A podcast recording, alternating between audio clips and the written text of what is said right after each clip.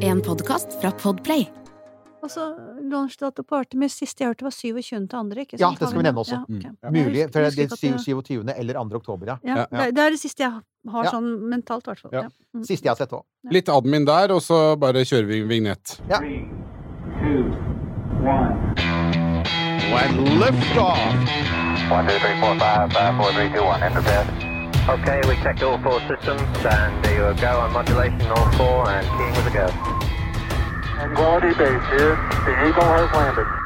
Dine ørevenner eh, jeg, nå, nå blir jeg så besatt av det ordet, Eirik. Jeg vet ikke, Det har bare fått sånn eh, vann på mølla og, og sitt eget liv, det der ørevenn. Ja, så er det ditt. Jeg har faktisk aldri hørt det Nei, ikke heller. Det var Jeg vet ikke. Det nærmeste jeg kom kanskje på, er det svenske fantastiske ordet for putevar, som er øregodt. Ja, det er noe helt annet. Og det er noe annet, men altså, det er jo Ja. øregodt, da. Så det er sånn, det er sånn øregodteri. Så jeg får liksom litt av den samme vibben. Ta en kjapp telefon til uh, Jysk og høre om de er hypp på spons Det kan vi gjøre. Eh, her. Nå- eh, så. Mm. Og sånn, by the way, altså Siden sist så har jo du da altså vært på motorsykkeltur i USA, og du sendte meg et bilde av en geologisk formasjon som faktisk er space-relatert, men på litt interessant måte. Ja, den er det. Og det som var litt sånn morsomt, var at vi sto og kikka på denne, denne knausen.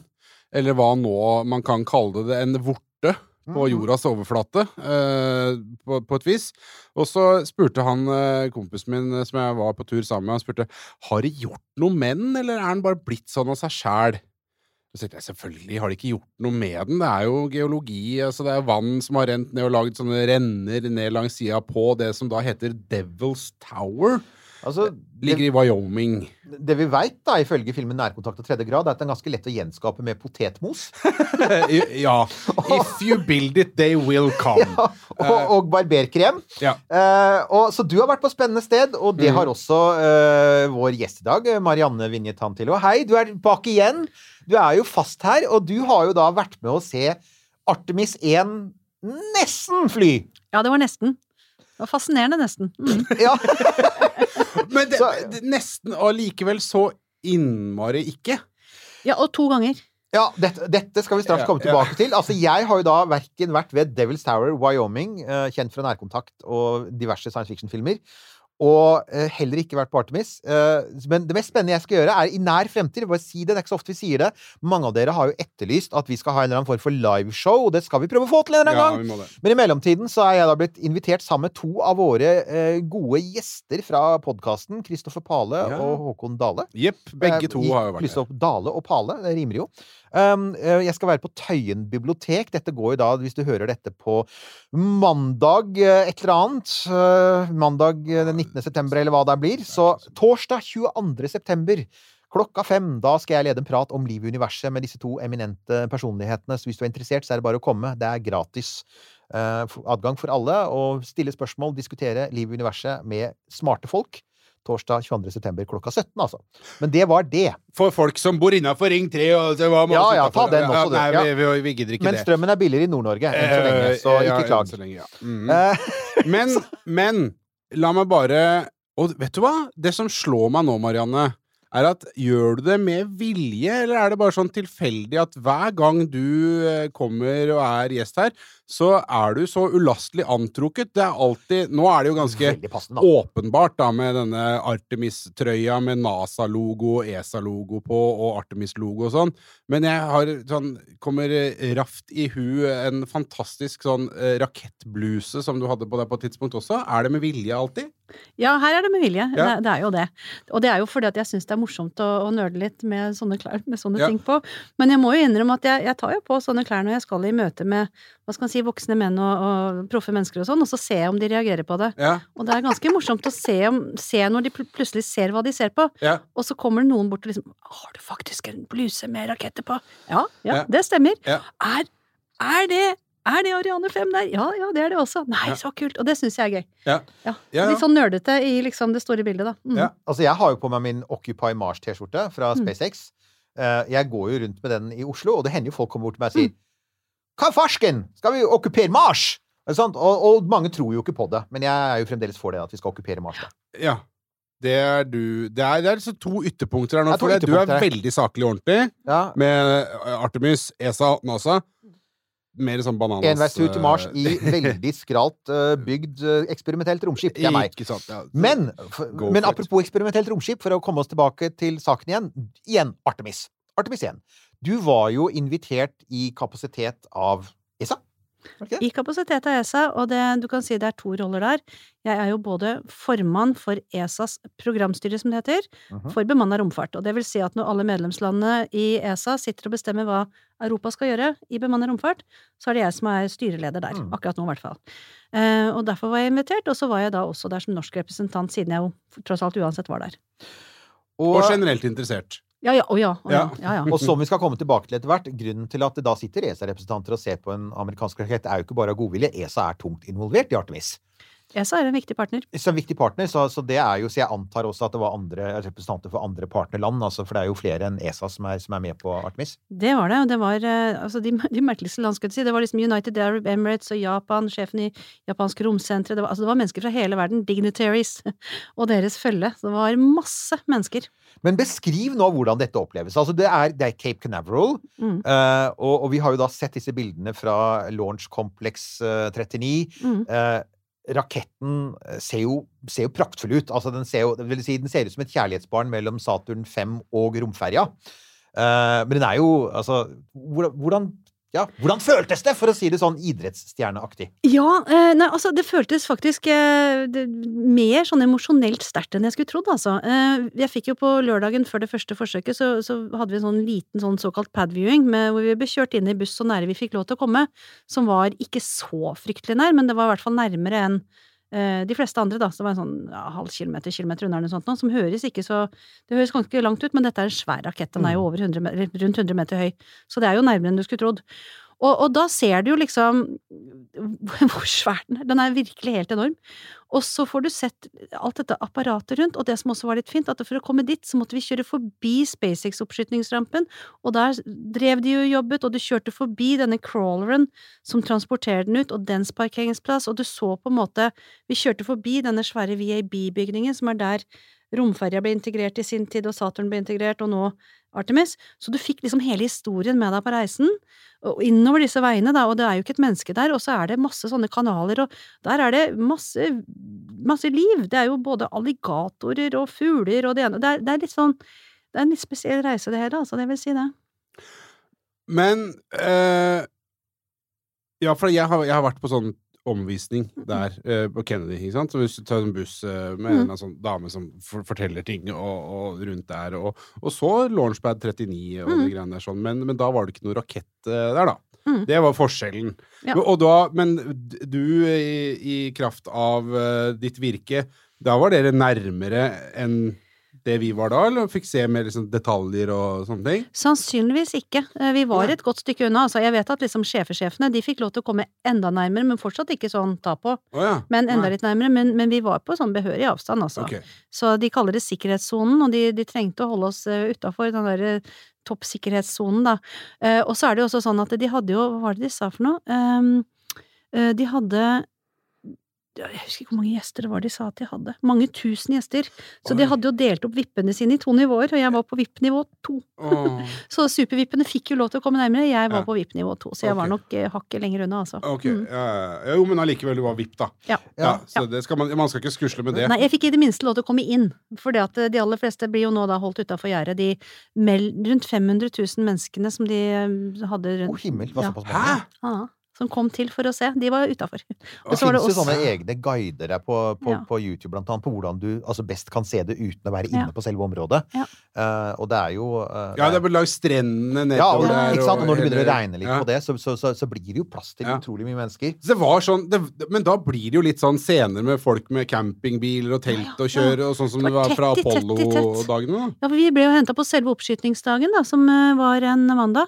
Så ble vi henta klokka halv ett for en oppskyting som gikk halv ni, eller skulle gå halv ni. Altså lokaltid, ja. Ja, okay. og det, for det var fordi at de Midt på natta, ikke sant? For det var fordi at de forventa så sinnssykt mye kø Ja. fra sånn to-halv tre-tida at vi måtte bare komme oss av gårde. ja. Og så var det innsjekk hos NASA, og bussen skulle sjekkes av bombehunder og det ene og det andre. Og det var snakk om at de hadde flere hundre busser som da skulle gjennom det samme systemet, og masse mennesker da i hver buss. Så det var et digert opplegg. Og så måtte du sjekke inn og fikk liksom sånn ja, du skal til Banana Creek View Site, som var der, der jeg skulle se på det, da. Banana Creek Ja, ja, og det var, det var første gangen, og så andre gangen så skulle jeg jo i, den der, i det der bygget som du kan se det fra det operational-bygget de har. Men, um, og så var det jo ned, alle hadde hver sin eh, guide, for det måtte de ha. Og så, og så ble det jo shippa inn på området der, og bussen vår, den kjørte inn, altså kjørte på en måte videre fra innsjekken klokka, ja det husker jeg ikke, men to-tida eller noe sånt nå. Uh, og bussen med supervippene som kom bak oss, de hadde venta en time til for de skulle få lov til å slappe av litt mer, ikke sant. Da sto de tre og en halv time i kø, og nok nesten ikke fram. For det var så sinnssykt mye biler, ikke sant, Ja. som da strømmet til. Og når du kjørte nedover langs vannet og sånn, så sto det sånne bobiler og telt og biler, og de hadde jo stått der i timevis. ja. Folk som sitter oppå taket og Ja, det var helt vilt. Og jeg har snakket med noen som også hadde da leid seg leilighet med liksom balkong ut, så de kunne sitte og se på på avstand da, og den hadde jo de leid kjempelenge i forveien og bare prøvd å treffe på dataen og sånn. Så, Så vanvittig! Og for et Ja. sinnssykt antiklimaks! Ja, det er det. Hvor lenge hadde du sittet der, liksom, når du da begynner å skjønne at ok, dette her ser ut som det går litt i feil retning? Ja? Skrekkelig lenge. Da vi, da vi kom dit, så sto det fire og en halv time på klokka. Og, og da var det fortsatt eh, med en halvtime på en måte å gå på til lunsjen.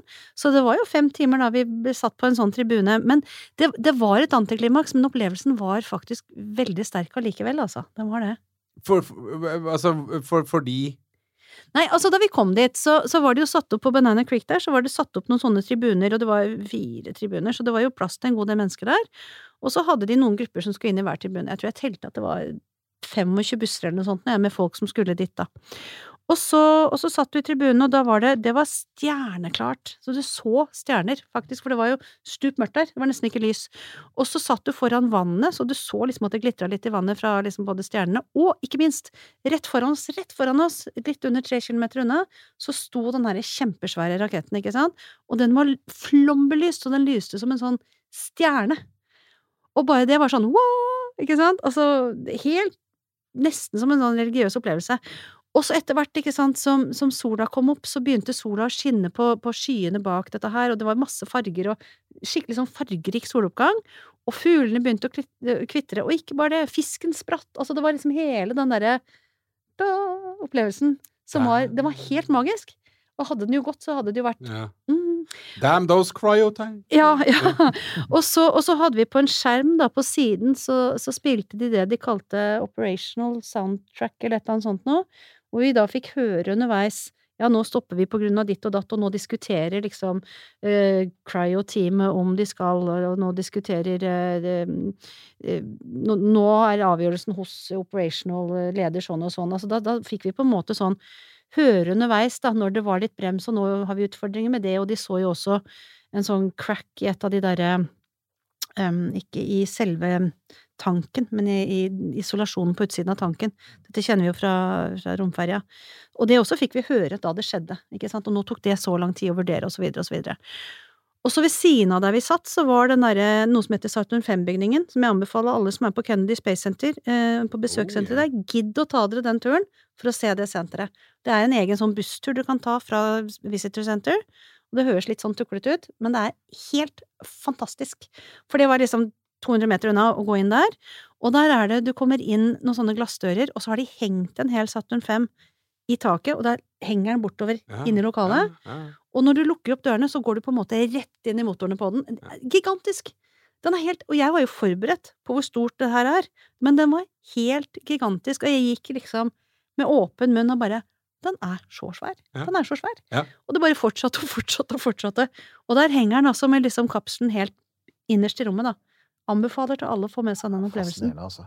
Og ikke Helt- minst med tanke på det, det som man ganske mange har påpekt, er jo at den Saturn 5-raketten, den kunne jo da gjøre noe i 1969 som Artemis 1 faktisk ikke ville vært i stand til å gjøre, og det er å lande folk på månen. Altså, eh, det Artemis kan gjøre noen år framover, er å sende folk rundt månen, Mm. og så må du faktisk ha et nytt trinn for å kunne lande folk på månen, og nå skal jo SpaceX ta seg av det, da, Mm. med, sitt, eh, med sitt landingssystem. Så det er en det, og det er jo på ingen måte klart. Så det er jo det, Jeg ser jo det, det altså, så, så ble det jo avlyst, ikke sant? Mm. Ja, hva, forresten, hva skjer da? Altså, da bare går alle hver til sitt? Tar det lang tid å komme seg ut derfra igjen, da? Ja, altså det som skjedde da, var jo da at du, du, du kjente jo lusa på gangen, skulle jeg til å si, for jeg var jo der som er mye ESA-folk også. Og når de begynte med liksom, ja, så var det den derre sprekken i, i det derre um, isolasjonsmaterialet som viste seg, det var ikke en sprekk i tanken, det var en sprekk i isolasjonsmaterialet, det lever vi med.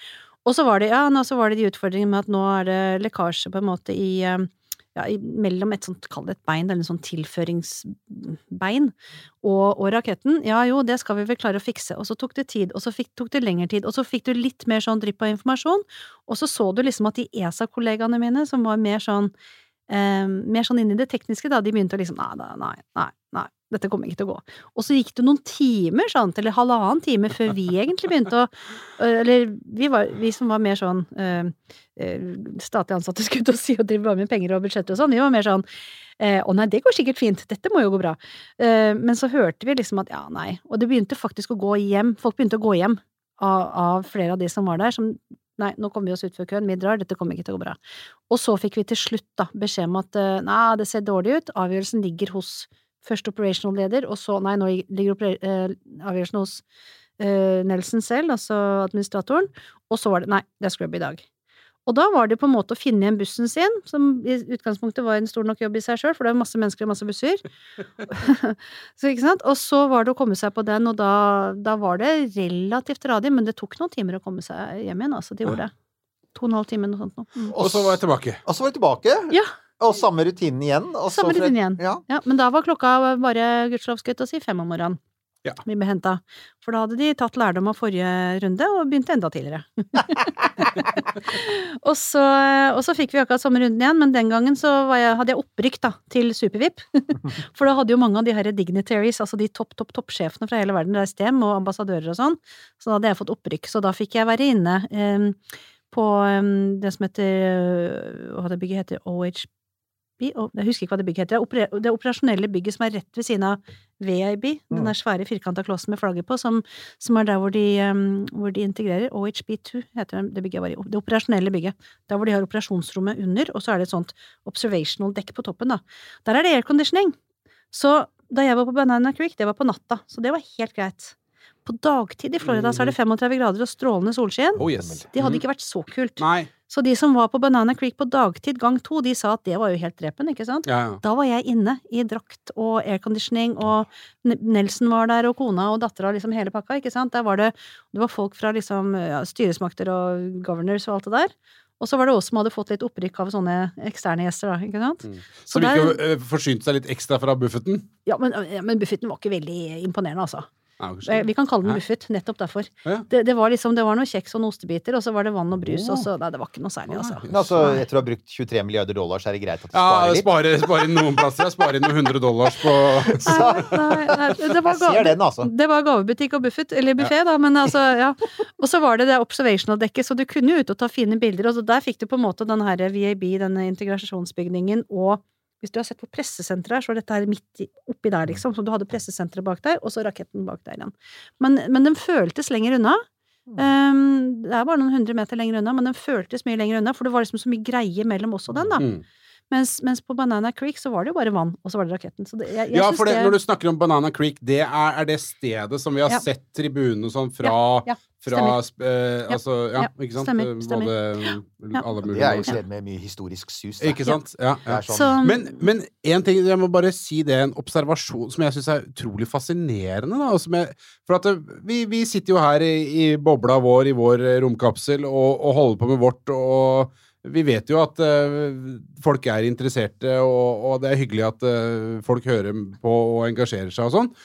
Strålende det, men så gøy å høre at så mange har liksom gått utafor allfarvei og tatt turen for å overvære dette her. Ja. Og nå tenker jeg på alle liksom, de som eh, vanlige folk som den har halve kommet millionen til som er mye vanlige folk, ja. ja. Ja, Utrolig ja, gøy. Og at det blir ikke ordentlig kork og sinnssyke mengder med mennesker.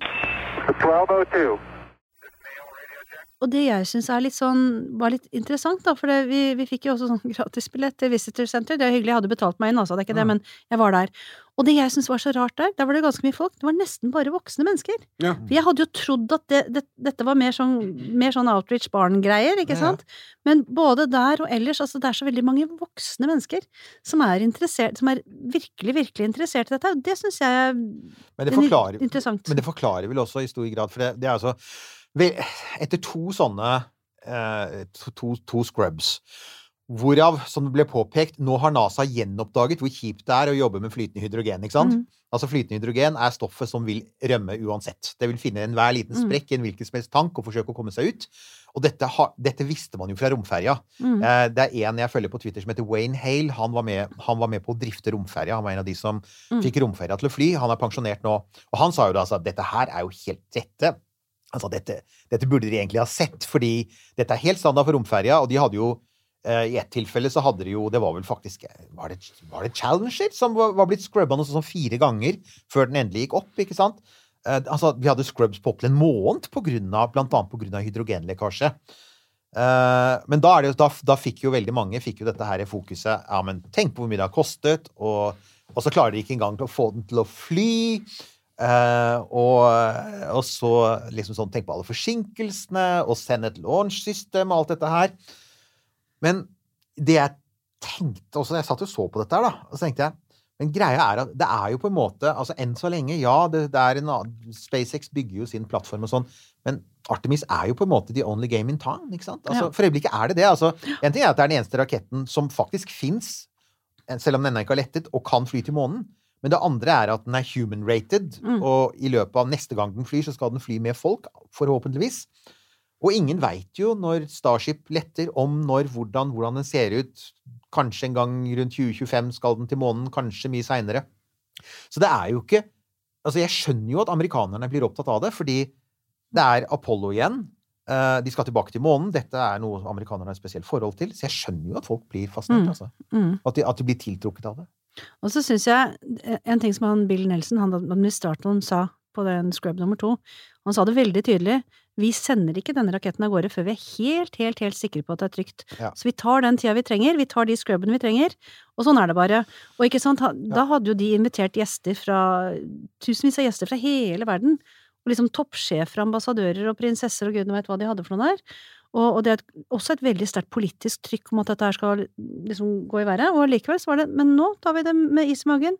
Vi skal være helt sikre på at dette her ikke skjærer seg. Og det syns jeg var eh, kjempebra. Altså det var en sånn veldig tydelig beskjed vi fikk, da. Og så, eh, on that note, skal jeg til å si, så var det jo også sånn at gang nummer to så var jo lekkasjen større enn gang nummer én. Den hadde jo økt. Ja? Så, så, Ja. så det var jo derfor så ble, var det mye kjappere til å liksom bare si at det her går ikke på, på gang nummer to, da. Det var en skade som har vært på et uh, gjeng spillverksted og blitt verre etter at den er blitt Altså, det, er jo, Ja, det er jo en grunn til at de, liksom, de neste generasjons raketter ser ut til å gå i retning av å bruke metan istedenfor Mm. hydrogen som flytende brennstoff, fordi flytende hydrogen er mye kaldere, og igjen, verdens, universets minste atom har liker og ja, Men apropos, apropos sitte og se på hva du så og, og ting som unnslipper og, og lekker og sånn. Når de fyller gasstankene, eller når de fyller hydrogentankene, og vi satt på avstand, så øh, kommer det en sånn svær stikkflamme ut på sida av den raketten. Og den er jo ikke egentlig på sida, den er jo egentlig bak, men sånn som vi satt, så så den ut som den var på sida, da. Mm. Og det er overskuddsgass som de brenner av. Og det er jo rett ved siden av! Og det så jo så skummelt ut, for det var, en det var sånn at vi som satt mange kilometer unna, så den helt tydelig. Ja. Så det så ut som det var tatt fyr i hele greia, men nei da, det var helt vanlig, det. Men jeg, jeg, jeg, jeg så et sted at de sa noe om det at at de er jo vant til, Når de fyller hydrogen, så er de vant til at det lekker, for at hydrogen er hydrogen. Mm. Og så har du opp til et visst antall, en viss prosentandel, en viss promilleandel Mm. hydrogen i området rundt raketten kan du tolerere. Det vil alltid lekke litt. Men det, når, du, når du, går over en viss grenseverdi, så er det dette med hydrogen og oksygen sammen som ikke er Mm. noen god kombinasjon. Og da er det man liksom må, må, må kutte av, og det var vel der de hadde havnet, at de hadde havnet et, et Mm. stykke over den grenseverdien. Og da måtte de bare kutte, for at de kunne ha fortsatt å fylle, men hvis da noen hadde tent en sigarett et eller annet sted, så Nei, jeg sier ikke at de gjør det, da. Men ja, nemlig. Sånn. Men det, der, Altså- men det der var helt fascinerende å sitte og høre på, altså, for da, da, da sa de liksom at ja, nå ser det ut som det lekker, nå prøver vi å sette på litt mindre trykk for å se om vi kan lure oss rundt problemet. Ja, det funket ikke, så nå prøver vi en annen variant. Ja, nå diskuterer ingeniørene, for nå ser det ut som vi kanskje kan prøve denne muligheten. Og de, de satt liksom i real time og prøvde sånne ingeniør... løsninger, da. Og så ja, nå har de fått ti minutter på å prøve å komme opp på en løsning, og det er sånn ja, ti minutter, hallo, ikke sant? Og så de, de satt litt sånn som du ser i Apollo 13-filmen, hvor de liksom kaster seg inn i et rom og bare nå må vi finne en løsning. Du fikk litt den vibben der av det òg, at de, de, de jobbet hardt på ingeniørsida for å faktisk liksom løse problemer i real time. Men det kom aldri den der Try the gaffatape. Det, det, gudene veit, altså. Nei, nei, men altså, det, det var eh, jeg, sånn, så, Med sånn ingeniørbakgrunn sjøl, så syns jeg det var litt fascinerende å høre òg. At det, de var jo virkelig helt nede på, på ingeniørløsningene. Ikke quick fix, men sånn hvordan kan vi få løst det ved å de, de, prøvde å skru av fyllingen på, andre, på, på den tanken det gjaldt, å gå via de andre tankene og litt sånn forskjellige ting, da. For å liksom uh, engineer the shit out of this, ikke sant? Uh, og det, det syns jeg faktisk Det heter noe science the shit out of this, heter det. Science the shit out. Og det, det er jo det, altså det er jo det er jo ganske imponerende statistikk, for det er jo ikke bare en rakett som skal opp. Altså En rakett som veier 2500 tonn, er 98 meter høy, ikke sant? Og, og koster 4,2 milliarder dollar per skudd. Per skudd, ikke sant? Ja. og, så, og på toppen av det da så sitter det 27 tonn som skal til månen, og det er jo da Orion-kapselen, som for øvrig er gammel. Den har de jo utviklet nå. altså Orion ble jo testet i 2014. Orion har jo vært på Har jo NASA utviklet siden 00-tallet, altså sånn 2007-2008. Um, men den er jo i hvert fall ferdig utviklet, og den har jo vært testet med varmeskjold og sånn. Og så har du inni Orion så har du tre mannekenger, ikke sant? Mm. Eller tre sånne dukker. Uh, og hva var det de het for noe igjen, da? Helga og Sohar er de to tyske, eller kall dem europeiske, da, men de er tyske. Og, det er, og så er det Commander Moonikin Campos. Mm, mm. Og det, det måtte jeg sjekke. Hva er det? Jo, det er oppkalt etter Arturo Campos, ansvarlig for det elektriske systemet under Apollo 13. How very appropriate! Og så har du dessuten da Zero G Indicators, to sånne små søte leker. Det var jo faktisk russerne som begynte med det der. Uh, og det er da Snoopy og Shaun the Sheep. Mm. Uh, og han representerer jo da er, Vi nevner Shaun the Sheep helt spesifikt fordi at han er britisk, hvilket vil si at han representerer ESA, og da kommer vi på en måte litt til det som også da er litt sånn kjøtt i denne sendingen, som er Du var der jo som ESA-representant, for Mm. dette er Amerikanerne er veldig opptatt av at dette er Apollo igjen, og de skal tilbake til månen og sånn, Mm. men det er noen fundamentale forskjeller på Artemis og Apollo. Nummer én Artemis eh, Apollo fløy faktisk til månen i veldig høyt tempo. Men nummer to Det er jo Apollo var et amerikansk presiseprosjekt, helt og holdent. Mm. Det er jo ikke Artemis, ikke sant? Altså, Artemis er et samarbeidsprosjekt, det. Mm. Det Og er det. ESA er tungt inne. ESA er tungt inne, det er det de kaller en uh, viktig partner.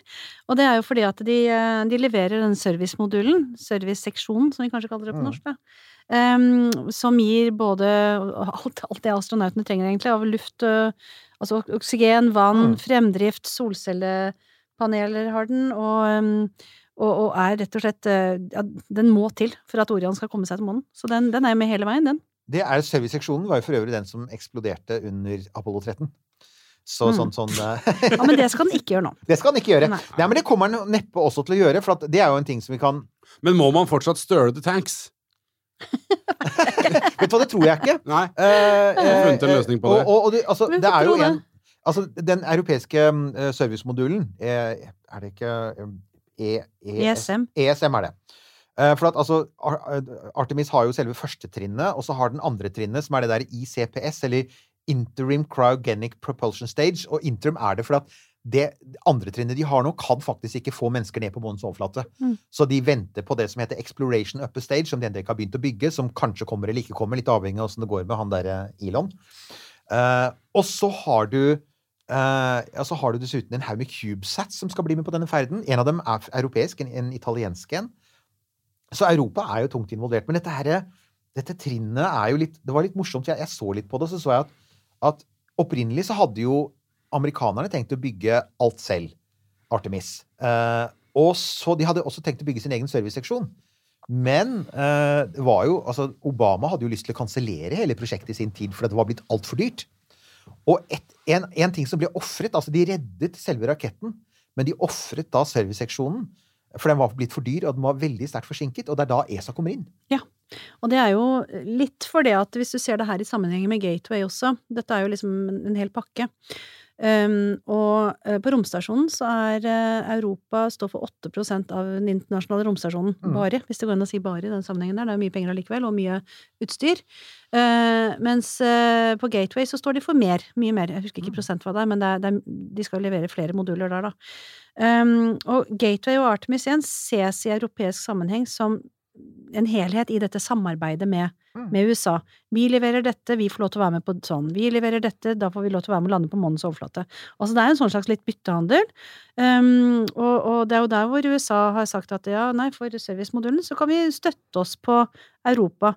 Og da får Europa i bytte eh, noen astronauter til romstasjonen i det tilfellet der, da, og litt andre ting, og tilgang på Gateway, og så hvis vi leverer dette til Gateway, så i neste omgang så kan Europa få tilgang til å være med til månen. Ikke førstelanding, men kanskje etter hvert, ikke sant. Og så er det noe av dette her som er underskrevet eh, avtaleverk, og noe av det som ligger fram i tid og skal skrives under og, og avtales. Det er jo litt, altså det er litt fascinerende, for det, det er jo igjen uh, Ja, Apollo var et politisk prestisjeprosjekt for amerikanerne, men dette her er et sånn derre komplisert internasjonalt spill, dette her. Ja, veldig. Og, og da, altså, da må det jo også da liksom sånn NASA-sjefen og ESA-sjefen og alle dere som jobber med dette her, Mm. må gjennom en sånn ganske sånn komplisert dans, da. Ja, veldig, og, og du kan si det kompliseres ytterligere av at romstasjonen i utgangspunktet er en avtale mellom NASA, ESA, den kanadiske romorganisasjonen og JAXA, altså den japanske romorganisasjonen, Mm. og ti medlemsland i ESA direkte inn i avtalen. Eller USA, da, medlemslandet. Og Norge er et av dem. Men rom eh, Nå har de bemannede romaktivitetene i ESA 22 medlemsland, og da blir avtalen en annen, men den bygger på den første. Altså er det masse kryss og B for å komme seg fra den ene avtalen til den andre, og så må alle være enige, og så, kost, og så er det jo én ting er jo å ha avtalen på plass, og så koster det jo penger, og så ja. Nei, det er, eh, det er, det er ganske interessant, men omfattende og komplisert dans, absolutt. Det er jo, eh, og denne, denne europeiske servicemodulen er jo også litt sånn eh, fascinerende, for at den er jo da basert på tidligere altså, det er jo ikke sånn, og det, dette gjelder jo hele Artemis, er jo mye gjenbrukt te- teknologi, ikke sant? Altså, eh, motorene som skal, eh, som skal skytes opp med, er gamle romferjemotorer, og de har faktisk fløyet før. Eh, hjelperakettene har også stort sett fløyet før. Uh, tanken er ny, har jeg skjønt. Mm, mm. Den som lekker. Ja, nemlig. Var det du så, åssen det gikk? Kanskje du burde bare mm. tatt en gammel eh, Men da, da, ESA for, da, da ESA tilbød seg å bygge servicemodulen, så baserte det seg på ATV, heter det vel? Altså dette her, mm. Automated Transfer Vehicle. ikke sant? Og det ble Ja. brukt på romstasjonen, gjorde det ikke det? Den ble brukt på romstasjonen. De lagde fem stykker i sin tid. Jeg jobbet faktisk på det prosjektet som ung eh, ingeniør. Ja, men der ser du, så du har altså faktisk for det, jeg, jeg, jeg så det, tenkte det var fascinerende. For det er jo da Altså, det, det var jo da eh, Og det, ATV fungerte bra, gjorde det ikke det? Jo da, men eh, de hadde på en måte bare sagt de skulle lage fem, og alle tenker hvorfor i all verden lagde vi ikke flere av dem? Ja. For de fungerte jo som en kule. Det var, eh, du ble skutt opp med Soyuz, med utstyr om bord, og så ble det brukt som søppelbøtte ned igjen, på en måte. Kunne jo for så vidt sikkert ha gjenbrukt, men det, men det var sånn det fungerte, da. Og de hadde bare satt av budsjett og planer for fem av dem, og så, og så er det litt sånn at ting som blir serieprodusert, eh, det er ikke alltid eh, landene har så veldig stor interesse av å fortsette å, å finansiere det, fordi at det, det, det skaper ikke nyutvikling, da. Så det har vært mye sånn politisk diskusjon rundt det, men, men ATV funka fint, og så, og så ble det ikke sånn at den ble videreført, men så ble det allikevel videreført, da, ikke sant, i, i Orion, så man fikk en sånn slags kompromissløsning der. Og det skal jo, de skal jo fortsette å produsere disse Du, vet hva, de skal produseres i over, altså nå er det vel 16 og 17, tror jeg jeg har sett nå det siste tallet. Oi! Altså ikke med, det er ikke avtaleverk og sånn på det, men jeg mener jeg har sett at det er snakk om 15-16 eller 16-17 som jeg har sett i Ja, NASA-sammenheng. men er det da eh, Hvis de skal lage 16-17 sånne, er det, Mm. det, er, det er ikke 16-17 eh, SLS-raketter? Er det er det? det er, ikke- er det så mange? Eller skal det også brukes på Gateway? Altså, er det Nei, de skal brukes til Gateway også, men det, men det er jo da Ja, det er jo snakk om det. Snakk om å sende, det om- sende opp så- én rakett i året, da, i ja, lang er det framtid, Så mange Ja. SLS-er? Nei, altså Gud var må jo vite hvordan de har tenkt å gjøre akkurat det, da, men, men det er vel mer det at de har planlagt såpass langt frem i tid, ikke sant, at, eh, at de Men, men per nå så er det i hvert fall seks og sju som er avtalt, avtalt, avtalt, og så er det mer sånn hvor mange ligger i horisonten, Ah, okay. Ah, okay. som er 16-17. Eh, og så er det en ting som er viktig å, nevne, syns jeg, siden vi er norske. Norske Clara Venture Labs, tidligere Prototech, leverer jo noen helt spesielle sånne små filtre. To små filtre. Jeg vet faktisk ikke hvor små de er. Jeg sier små, det kan hende de er ikke så små, men, men de, de er små i sammenhengen, da. Filtre til, eh, til Orion. Eh, Og fra den fjerde så skal Kongsberg Defence Aerospace levere elektronikk på solcellepanelene. Så så Clara Venture Labs har jo da en rolle i å sørge for at astronautenes eh, oksygen holdes unna nitrogenet. Og eh, da vil jo da Kongsberg ha en rolle i å sørge for at de har eh, strøm om bord. Så det er jo to viktige oppdrag for norsk industri. 1202. Og der kommer vi tilbake til en, nok en av disse her forskjellene på, på Apollo og på Artemis. er jo som sier Du har Gateway, og så har du dette her svære prosjektet med å utforske månen. Ja. Altså, foregår, så det foregår jo nå. Det er jo blant annet så har du jo den der lille, rare satellitten til, den, til Rocket Lab, den Capstone, som vi har snakket om før. Som jeg tror for øyeblikket de sliter å få kontakt med. Som er, allerede er i gang. Og du har også CubeSats, og du har diverse landers. Og der har vel også, og der har jo også ESA involvert. Vi hadde jo eh, han eh, Christian fra Nammo her i vår som snakket eh, varmt om EL3. Mm. Som, er sånn der, som skal være arbeidshesten. Det skal på en måte være sånn derre sprintervanen eh, ned til månens overflate.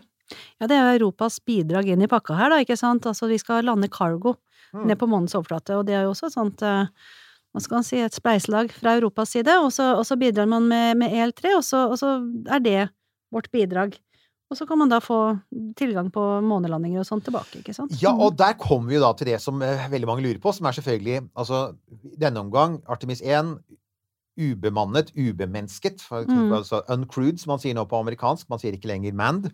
Jeg vet ikke, Fins det et godt norsk ord for det? Altså, vi har ikke Altså, jeg pleier å bruke bemannet, ja, altså, Altså, vi jeg- gjør jo det. Det er ikke så lett å si på norsk, men i USA så har man blitt ganske nøye på å si det. Og det syns jeg er bra, for at jeg er Uten veldig nøye crew. på Altså, ja, uten crew.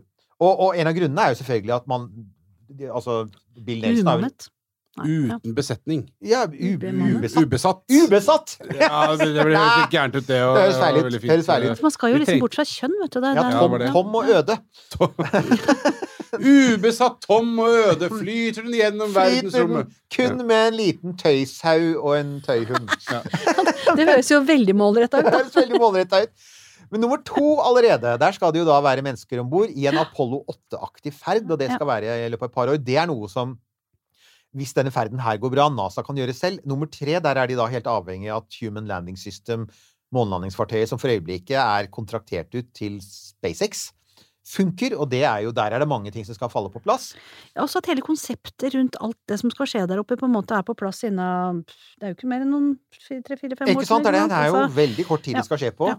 Men, men altså, noe av grunnen til at det går langsommere enn Apollo, er selvfølgelig at det er mye bredere. ikke sant? Altså, Det er romstasjon, det er overflaten, det er is, du, det er sånn Mm. ISRU, du skal bruke lokale ressurser til å produsere ting. Og det, denne her eh, som skal leite etter is på polene, hva het nå den igjen? Den, Ja, hva het- ja, og Viper, var det? Viper, ja. Viper, Viper, ja. altså det er den. Ja. Og så har du disse, disse husker du vi snakket om disse svermene av Ah, CubeSats. ja, ja, ja, ja. Og så er det kontraktene. Kontrakt på internett på månen, som Nokia har fått, var det vel? Ja. Og så var det kjernekraftverk på månen, som både NASA og Kina skal bygge. Så det er en helt annen skala. Så når folk sier sånn Ja, men hvorfor i all verden går det ikke så fort? da? Hvorfor kan vi ikke bare spytte ut sånn som NASA gjorde med Apollo? Apollo 8. Og så like etterpå kom Apollo 9. Og så var det Apollo 10, så var det Apollo 11. Og det var bare et halvt år mellom Apollo 8 og Apollo 11, og likevel så, så raskt kom det, ikke sant? Vel, det er blant annet på grunn av at det skjer jo veldig mye der, det er bare at det er ikke så mye som involverer folk. Altså, hvis du ser på planene til NASA som ligger ute som noen sånne ganske fantastisk visuelle slides på nett, hvis du søker på dem, så, så peker det også veldig tydelig på at det er månen, og så er det Mars. Og så er det videre, ikke sant? Og det er månen, the moon to stay. De skal dit for å bli.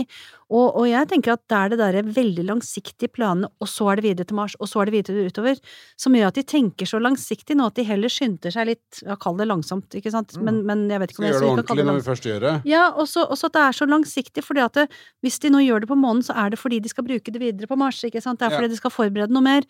Det er ikke bare, og det sier de jo også, det er ikke bare boots on the moon, det, det er mer, ikke sant?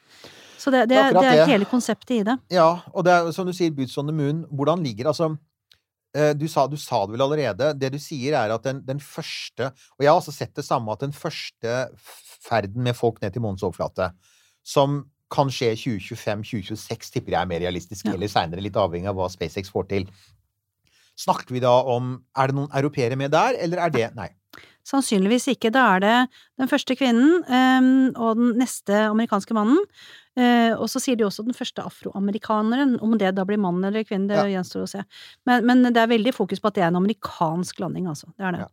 Og så er det etter hvert, ikke sant, at det da er snakk om europeere. I hvert fall sånn som det ser ut nå, men, Mm. eh, men planer endrer seg jo, så vi får jo Ja, se. men denne Ar- Ar- Artemis 2 som involverer folk som flyr rundt Mm. månen, er det der Er det noen mulighet der for at det kan være med en europeer? Vet du det er jeg usikker på. Det, det, det er jeg faktisk litt usikker på akkurat nå, for jeg har hørt litt forskjellig, så det Ja, for at jeg ser også det Mm. samme. Det finnes noen PDF-er der ute. Altså, du ser fine skjemaene til NASA, men man må være veldig nøye med hvilken man ser på. For planene er jo blitt forandret. Ja.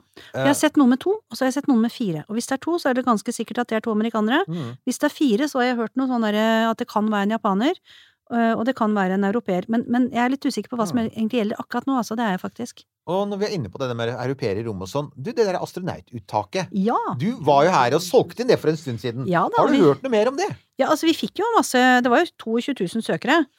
Ja. Globalt. Eh, ja, fra Europa. Hele Europa. Ja, men Ja, vi, vi, vi, bidro. Nils Johan. Vi dro Ja, ja, ja. Ja, ja, ja. ja. Dere Uten var- oss så hadde det bare Ja. vært eh, 12 000. Ja. Ja, ikke sant. Men det var, eh, det var en grei andel nordmenn. Det var på en måte kanskje litt, eh, litt bitte grann færre enn en størrelsen vår skulle tilsi, men det var en grei andel nordmenn. Til gjengjeld så var de nordmennene som søkte gode, veldig gode søkere, um, så det var mange som har gått videre, og nå er man inne i en siste runde, og det får jeg ikke lov til å si så mye om, men jeg vet heller ikke så veldig mye mer. Så, så det er ikke så veldig mye jeg ikke kan si noe om, da, for å si det sånn. har, du- vet du noen sånn tidslinje på når vi får noe svar om dette? Ja, um, nå er man inne Altså, før sommeren så hadde man kutta den ned til sånn, egentlig ned til beinet, med et eh, sånn greit antall eh, astronauter igjen, og så skal man nå gjennom en siste runde med intervjuer, og de, de rundene går nå. I dag. Altså Mm. nå. Ikke i dag, dag, da, men i disse, i disse I dager. disse dager. I disse dager, i disse uker. Så, så kutter man det ned til et sånt absolutt minimum, og så skal man jo da i tiden mellom nå og ut året velge seg fire til seks, jeg tror det blir sikkert seks, astronauter som blir aktive yrkesastronauter, og så skal man da ha i tillegg et antall mellom 10 og 20 eh, backup-astronauter, kan vi kalle dem. De heter noe annet som jeg ikke kom på farta, men, eh, men sånn Mm. eh, sånne som kan steppe inn hvis det er behov, og hvis, hvis de har spesialkompetanse, eller noen faller fra og sånn. Um, og jeg spurte akkurat han sjefen for ESA-programmet om dette her når vi var i USA. Når blir dette avgjort? Og de har ennå ikke bestemt seg, de, om det blir før det såkalte ministerrådet, hvor alle europeiske ministre skal legge penger på bordet for Ah. ESA-aktiviteter framover i tid. Det er i november. Eller om de gjør det etterpå. Det er, det er rett og slett ikke bestemt. Mm. Ja, så det blir, men at det blir innen utgangen av året, det er helt sikkert. Ok, Og fra The Grapevine så har vi vel det at det er noen nordmann, nordmenn involvert i dette her. Det er vel det vi vet. Uh, utover det så, så vet vi ikke så veldig mye mer enn det. Nei da, og det vil vi jo få, få vite i sine om tid, men det skulle vært rart om ikke det var noen nordmenn med. Som Ja. sier, de var godt kvalifisert, og det er på overtid. Det er på høy tid. På på høy høy tid. tid at På høy vi tid. får noen nordmenn opp i Orion og ned på månen. Ja, altså, det er jo det jeg tenker er jo en av de fascinerende tingene med hvis det skulle skje nå, er selvfølgelig at bildet nå ser veldig annerledes ut. Altså bildet framover ser veldig annerledes ut enn det hadde gjort for eksempel for ti år siden, hvor det kunne vært en kort tur til romstasjonen og så ned igjen. Mm, mm, Altså, mm. nå er det sånn type Det er månen, det kan være gateway det, Romstasjonen vil jo fremdeles være der, i hvert fall fram til 2030. Mm. Og det er snakk om at det skal komme erstatninger for romstasjonen, privat, offentlig, det får vi nå se hva det blir. Så her er det jo mange interessante muligheter, da. Det er jo eh, Altså, å bli, å, å bli tatt ut til å være astronautkandidat nå er jo veldig annerledes enn det ville vært for en del år siden. Ja, og jeg tenker at vi kommer til å se det på profilen til de som vi valgte ut. At uh, de er med på sånn uh, selvstendige ingeniører, uh, leger, folk som kan være langt unna og, og løse problemer i real time. Mens på romstasjonen så har det vært mer sånn gjennomføring av eksperimenter og, og kanskje mer sånn Ja. Ikke kall det drift, da, for det er jo ikke drift, men altså Jeg, jeg kan tenke meg at profilen kanskje er en litt annen. Også der hvor man i gamle dager kanskje gikk etter piloter, ikke sant, fordi at man skulle uh, være pilot på romferja, for å sette det litt på spissen. Det er ikke akkurat helt sant, det, men men her får man en litt annen profil igjen, så, så det blir spennende å se Ja. hva, slags, hva slags profil de eh, plukker ut til slutt. Ja, for det Altså. handler jo også litt om hvordan man, som du sier, med, med tanke på at, så, at det, er så, det er så veldig tydelig at dette her også er en forberedelse på at man etter hvert skal til Mars. Ja. Så er jo det også, det, og, og, og det kommer jo vi til å komme tilbake til i nær fremtid, hvor krevende det faktisk blir. Altså hvor mange, hvor mange ting man må gjøre annerledes på Mars enn på Mm. jorda, og at det krever en helt, blant annet en ny type astronauttrening. Så det er jo Ja, men altså, da er vi, da er vi sånn eh, relativt godt uh, Ja, Ja, Nils Johan? jeg har et spørsmål før vi er relativt godt. Eh, nå er det hva da? I oktober, slutten av oktober, så skal man prøve igjen. Eh, 27. Oh, ja! oktober eh, også, Artemis. ja, altså, dette Var det sånn rundt der? Vet du hva, det var det de sa først da jeg var der. Så sa de nå ruller vi hele greia tilbake. Mm. eh, Og på- det tar jo en måned bare det, for det går såpass sakte. Ja, det tar eh, Hva var det du sa for noe? Altså, toppfart så er det rundt fem timer, men du, du ja, opplevde at det tok litt lengre tid. Altså, ja, jeg jeg, jeg, føler på at de, altså, jeg, jeg mener på at de brukte en, hel dag, jeg, altså, sist. Altså Hvis de gir full Og- gass med eh, rakett på, så påstår NASAs egen factsheet at de kjører ca. halvannen kilometer i timen, som er noe sånt noe som fire ganger langsommere enn en person, normal person går. Ja, ok. Ja, Ja. ja. Men jeg, jeg ser jo for meg at de er litt mer forsiktige med den eh, nye, fine raketten sin, da.